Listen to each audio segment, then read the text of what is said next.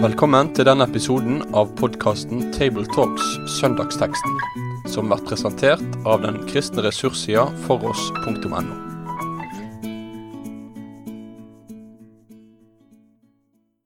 Velkommen til en ny episode av podkasten Tabletalks. I studio i dag sitter Reidar Valvik, pensjonert professor fra MF Vitenskapelig høgskole. Jorunn Sjåstad, medarbeider på Bibelselskapet og redaktør i Logos. og Kristoffer Hansen Ekenes, prest i Rynberget kirke, Delk i Oslo. Vi skal eh, lese sammen fra profeten Jesaja i kapittel 60 fra vers 18. Ingen skal høre mer om vold i ditt land, om herjing og ødeleggelse innenfor dine grenser. Du skal kalle murene dine frelse og portene dine lovsang. Solen skal ikke lenger være ditt lys om dagen, måneskinnet skal ikke lyse for deg, men Herren skal være ditt lys for evig. Din Gud skal være din herlighet. Din sol skal ikke mer gå ned, din måne skal aldri avta, for Herren skal være ditt lys for evig. Sørgedagene dine er til ende. I ditt folk skal alle være rettferdige. De skal eie landet til evig tid. De er et skudd i min hage, som hendene mine har laget til min ære. Den minste skal bli til tusen, den ringeste til et mektig folkeslag. Jeg er Herren. Når tiden er inne, lar jeg det skje i hast. Ja, teksten vi nå har hørt, er altså prekentekst på Allehelgens søndag, som er en spesiell dag for mange i, i, år, i, løpet av et år. Mange går på gravene og tenner lys for de som er døde, og minnes de.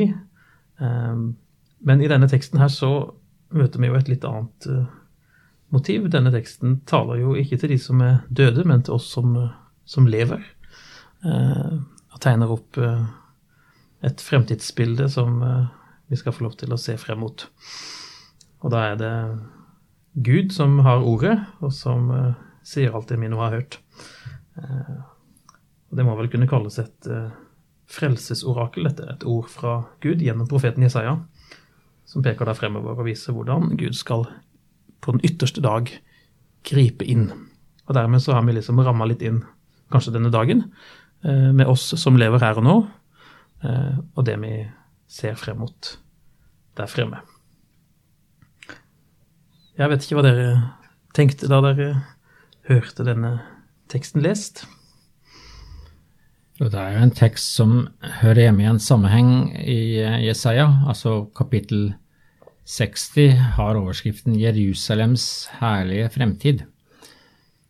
Og Det betyr at det er en tekst som i utgangspunktet vel er talt til et folk som er, eller nettopp har vært i en ganske fortvila situasjon. Jeg tenker på innledningen til kapittel 40, hvor vi har disse ordene 'trøst, trøst mitt folk'.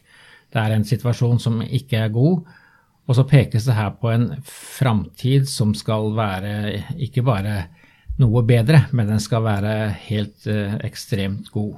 Ja, Vi må kanskje si det så, ille, så kraftig som at alt skal snus nesten opp ned? Ja, og, og det er jo ikke bare at det, det, skal, være, eh, det skal være bedre. F.eks. når det heter i vers 18 at eh, det ikke ingen skal høre mer om vold i ditt land, om herjing og ødeleggelse. Det var jo nettopp det de hadde erfart. Men dette skal man ikke lenger høre om. Da er det ganske, som du sier, snudd om det hele. Og Samtidig så blir det sagt at sørgedagene dine er til ende. Altså de har hatt, Det har vært sorg som har vært der, og den sorga visste de at de aldri kom til å bli kvitt, på en måte, men, men så står det da her at sørgedagene dine er til ende. Så det er, det er, noe helt nytt som har kommet, og som Gud har, har skapt for dem. Og det som jo er det som slår en når en leser videre her, er jo at uh, dette sprenger jo helt rammene for denne verden. Altså det er ikke bare slik at her er det et land og et folk som skal oppleve en helt ny situasjon. Men når det begynner å tales om sol og måne, da skjønner vi at vi er i en litt annen dimensjon. Solen skal ikke lenger være ditt lys om dagen, men Herren skal være ditt lys for evig. Da er vi satt ut av den nåværende verden og inn i en helt ny situasjon. Så det er jo dette eh, eschatologiske perspektivet som eh, gjør at denne teksten er en aktuell lesetekst for norske kristne, ikke bare noe som i gamle dager ble sagt til Israels folk. Dette er en tekst som, som peker framover mot det helt nye.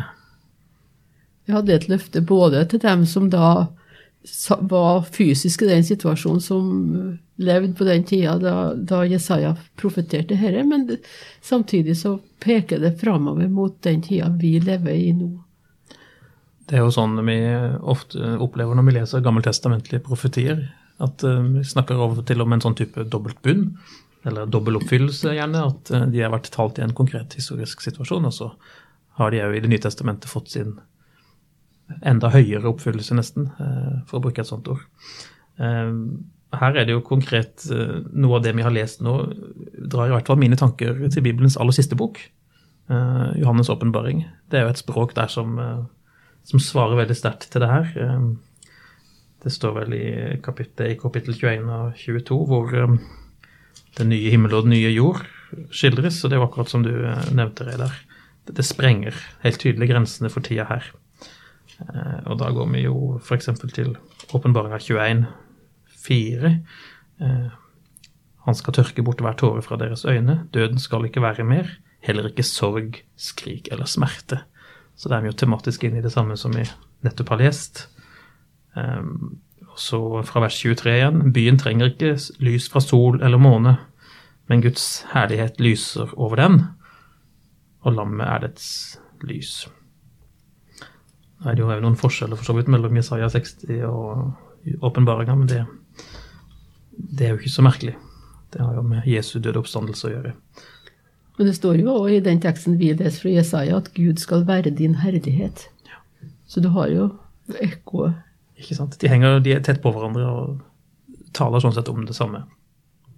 Det er jo interessant at hvis man ser på henvisningene til eh, denne teksten fra Jesaja 60, de versene som vi har lest, eh, hvor finner man henvisninger eller referanser til det i Nytestamentet? Ja, det er bare egentlig ett eneste sted, og det er i åpenbaringsboken.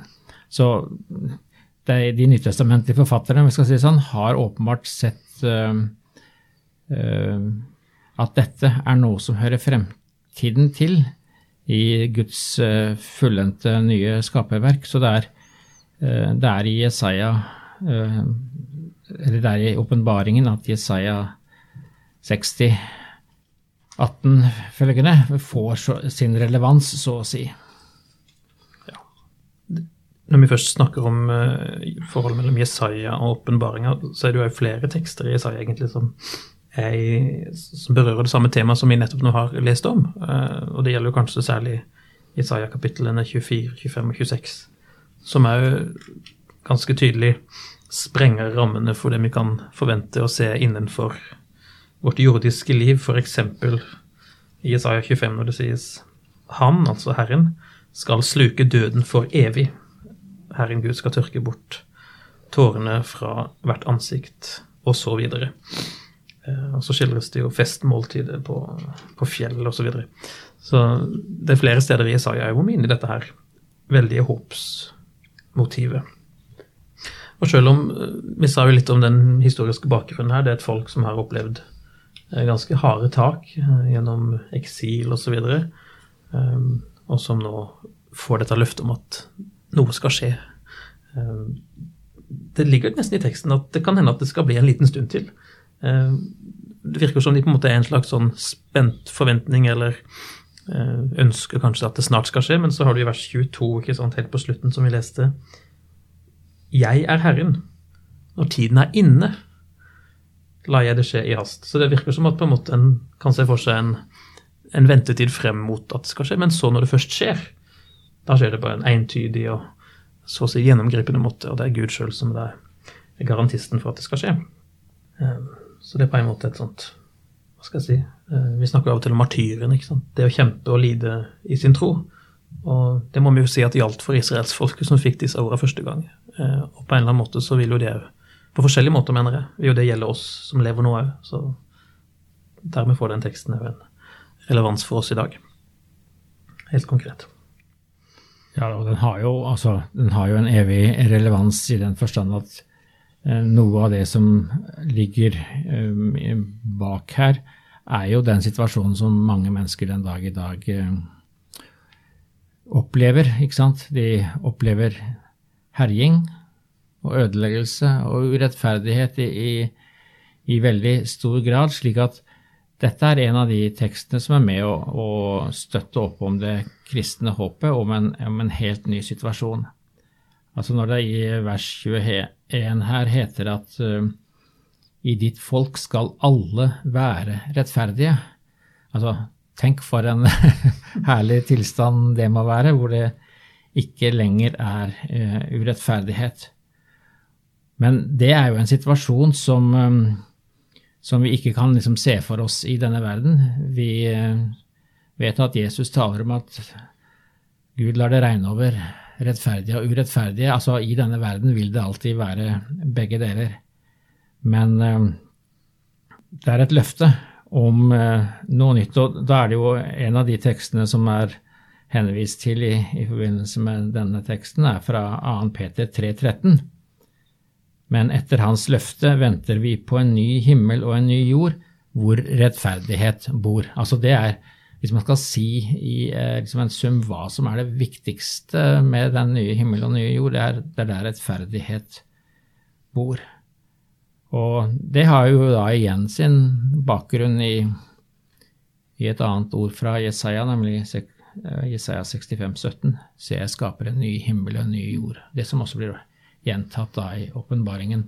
Så det er, det er en, en nyskapelse som, som, må til for at disse tingene skal bli realiteter. Når du nevner Jesaja 65, så får jeg bare lyst til å argumentere for å anbefale å lese hele Jesaja 60 og utover. Eh, for det er jo veldig mye av de samme temaene som dukker opp eh, hele veien her, og som utbroderer videre det som vi nå snakker om, av håp og nyskapelse. Eh, så det, for de som har tid til det, må gjerne lese hele slutten av Isaiah-boka her, for da får du mer av det samme. Eh, du, du nevnte vers 21, eh, Reidar, og da kom jeg dette med at i ditt folk skal alle være rettferdige. Jeg klarte ikke å la være å tenke på Jesus her, da. Da jeg leste det verset og tenkte at han må jo være den naturlige tolkningsnøkkelen til den påstanden om at alle i ditt folk skal være rettferdige.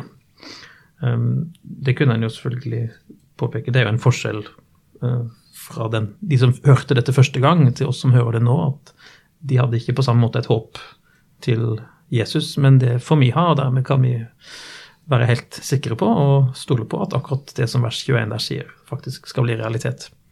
Uh, alle i ditt folk, dvs. Si alle i Guds folk, da, rimeligvis, som er det nye gudsfolket som springer ut av de døptes forsamling i troen på Jesus, skal være rettferdige. Det er jo og det er jo der vi hører til. Det skal vi heller ikke glemme. ikke sant? Det er jo oss på en måte dette snakker om. Eh, og det er til oss disse løftene nå gis. Men djupest sett så fikk jo dem som først hørte dette her, ikke oppleve det som den teksten her skildrer, selv om det ble sagt til dem. De opplevde jo å komme tilbake til landet sitt og, og til, til, Jerusalem. Eh, men det var jo ikke sånn at de ikke hørte noe mer om krig og vold og urettferdighet og herjing og ødeleggelse. Og heller ikke så kunne de kalle muren rundt landet eller byen de bodde i, for frelse, eller portene lovsang. Altså det der må de ha skjønt at det er et løfte som gjelder ikke bare en sånn materiell ting, men det er faktisk en, eh, en framtid som ikke vi ser, men som vi skal få lov til å tro på. Så vil det vel kanskje være litt sånn som med israelsfolket den gangen, som det er med oss, at allerede nå så vil vi jo se på en måte noen tegn på at noe går i den retningen. Om ikke vi ser det fullt ut realisert iblant oss, så har jo òg israelsfolket den gangen opplevd ting som har gjort at de har tenkt jo, Men dette går rette vei. Og sånn vil det jo på en måte være for oss, da. At vi vil kunne se tegn på at jo, Guds rike er i ferd med å ta innersvingen på de onde maktene. Eh, så vil det være noen andre ting som minner oss om det motsatte, selvfølgelig. Men det er jo vårt livsvilkår her, da, på jorda.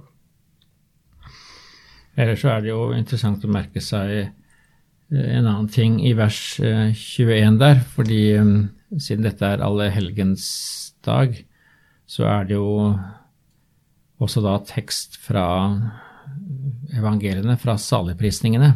I Lukas 6. I Lukas 6, ja. Og der har vi jo, eh, hvis vi tar parallellen nå i Matteus 5, eh, så har vi jo et uttrykk der som er Salige er de ydmyke, for de skal arve jorden. Eh, det har en viss parallell i, eh, i Isaiah 60, 21, om eh, de rettferdige som skal eie landet til evig tid. Innenfor den gamle pakt og i Israels folk så var det selvsagt tenkt på et konkret land, men i Det nye testamentet så sprenges jo dette, og man taler ikke bare om om et uh, lite land, men om jorden. Uh, og um, her er det da, sett i sammenheng med det vi nå har snakket om flere ganger, helt åpenbart tale om en, en ny jord som uh, de salige skal få arve og få, få del i. Så det er altså en, en, link her som gjør at man kan se at perspektivet er gjennomgående i, tekstene for denne dagen. Du, eh, vi snakker en del om vers 21, og, det er jo ikke så unaturlig, fordi versene før der sier jo en del av det samme, bare på litt forskjellig måte.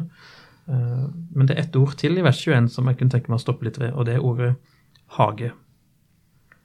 For vi snakker om en ny himmel og en ny jord, både med støtte i denne teksten her og Isaiah 65 og åpenbaringa 21 og 22. Men det er opplagt at akkurat det med hagen, i hvert fall i mine ører, det ringer jo en liten sånn av noe kjent. Jeg tenker på Edens hage. Um, fordi det som skildres her av fremtidsvisjoner, har jo òg sånn både tematisk og historisk bakgrunn i den fullkomne Edens hage som Gud i utgangspunktet ga som gave til menneskene. Og da igjen er det jo interessant å lese Johannes' åpenbaring, de to siste kapitlene, hvor nettopp den nye, nye, nye himmel og nye jord skildres, dels som en by, med mål fra Jerusalem og tempelbyen, men òg med hagekvaliteter, som helt tydelig bygger videre på å gjøre bruk av Edens beskrivelsen i Det gamle testamentet, i Første Mosebok 1. Ehm, så dermed så må vi jo si at det er ikke bare en nyskapelse, men det er jo òg en på en måte gjenopprettelse i og med nyskapelsen. Som bare egentlig understreker det vi nå har sagt det er noen ganger, at eh, Eh, sol og måne og liksom alle naturen sånn som vi kjenner den, skal, ja, den skal endres totalt og grunnleggende. Eh, og det skal gjenopprettes. For du kan jo si at òg altså vold og herjinger og disse tinga som vi har lest om i vers 18, er jo i og for seg bare konsekvenser av menneskets grunnleggende brudd mot Gud i syndefallet, ikke sant?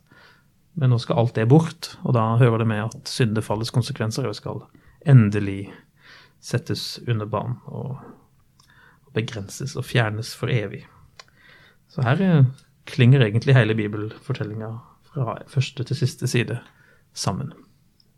Ja, og det er jo en naturlig sammenheng. Det er jo det som er det litt uh, sånn uh, spesielle med den samlingen av bøker som vi har i vår bibel. Altså, den virker relativt tilfeldig samla sammen, men det er altså en tråd som går fra Edens uh, hage til den nye Jerusalem, som du sier, som også da har karakter av en hage. Så uh, sammenstillingen av bøkene er med å uh, trekke de alle disse store linjene.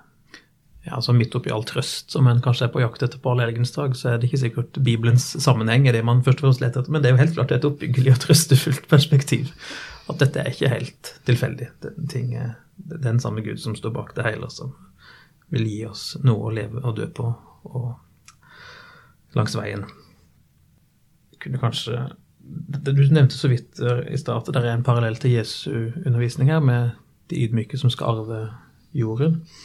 Eh, jeg tenkte kanskje at det var en liten parallell til som kunne minne om noe Jesus snakker om. Han snakker av og til om at de første skal bli de siste, og de siste skal bli de første. Og det er jo en liten, et lite ekko av nærmest her i vers 22, da, hvor han snakker om at her er det bare den ene veien, forresten, men han sier den minste skal bli til tusen, og den ringeste til et mektig folkeslag. Eh, og her er vi jo inne på en sånn veldig gjenkjennelig side ved hvordan Gud egentlig oppfører seg og handler. Eh, Israels folk kalles jo ofte for et usselt og ydmykt og lite folk. Gud sier noe om at han ikke har valgt de ut fordi de var så store og flotte, men fordi han ville det. Og Det er jo egentlig litt av det samme motivet her, da, at han eh, den minste skal bli til tusen. Det har man grunn til å stole på, fordi det har man jo sett før at Gud har handla på nettopp den måten.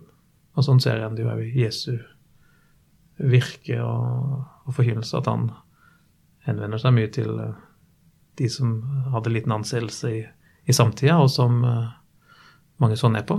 De, de, går han i møte med og løfter opp og gjør til Ja, om ikke han gjør det til tusen, så løftes de i hvert fall akkurat det samme motivet som vi finner i, i saligprisningen, egentlig, både i Matteus 5 og Lukas 6.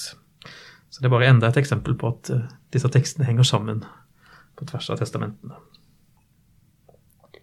Når eh, vi leser en sånn, eller profettekstene, så er det veldig ofte lett å tenke, i hvert fall for en bibelleser som sitter i leien med Bibelen, at uh, når det står at uh, din sol skal ikke mer gå ned, og din måne skal aldri avta, for Herren skal være ditt lys, at det går bare på, på meg, på, på enkeltpersonene. Men jeg tenker vi må av og til lære oss å tenke at her er det Gud som snakker til folket sitt, som, et, som en sånn stor helhet.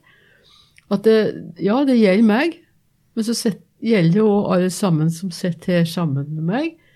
Uh, og og at vi lærer oss å tenke at, at uh, vi må ikke tro at Guds ord er bare gitt til innvortes bruk. Vi skal bruke det sammen med andre. Og det tenker jeg er litt viktig òg, at, at ikke bare jeg skal ha mitt og, og, og, bli glad og oppbygga av det, men at dette her skal jeg være med å dele med andre, sånn at de òg skjønner at det, det, gjelder dem. For eh, det er litt egoistisk. Av og til, jeg tror vi av og til leser litt egoistisk de løftene som, som Gud gir til sitt folk. Jeg tror vi noen ganger lever Du har rett i det. Vi lever litt sånn som vi synger i sangen. Jesu føtter er stille stund. Da er vi med Jesus alene her. Akkurat som at det er liksom blitt idealet for oss. Og det er noe godt og sant med det.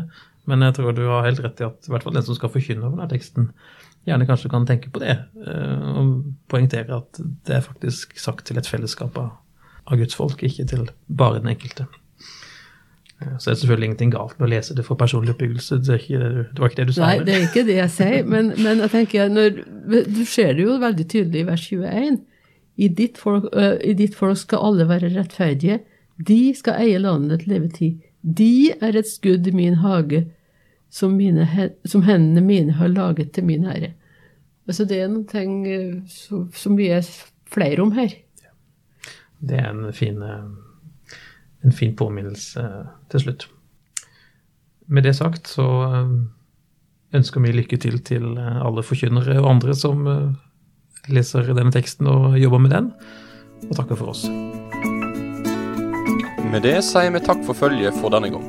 Finn flere ressurser, og vær gjerne med å støtte oss på foross.no.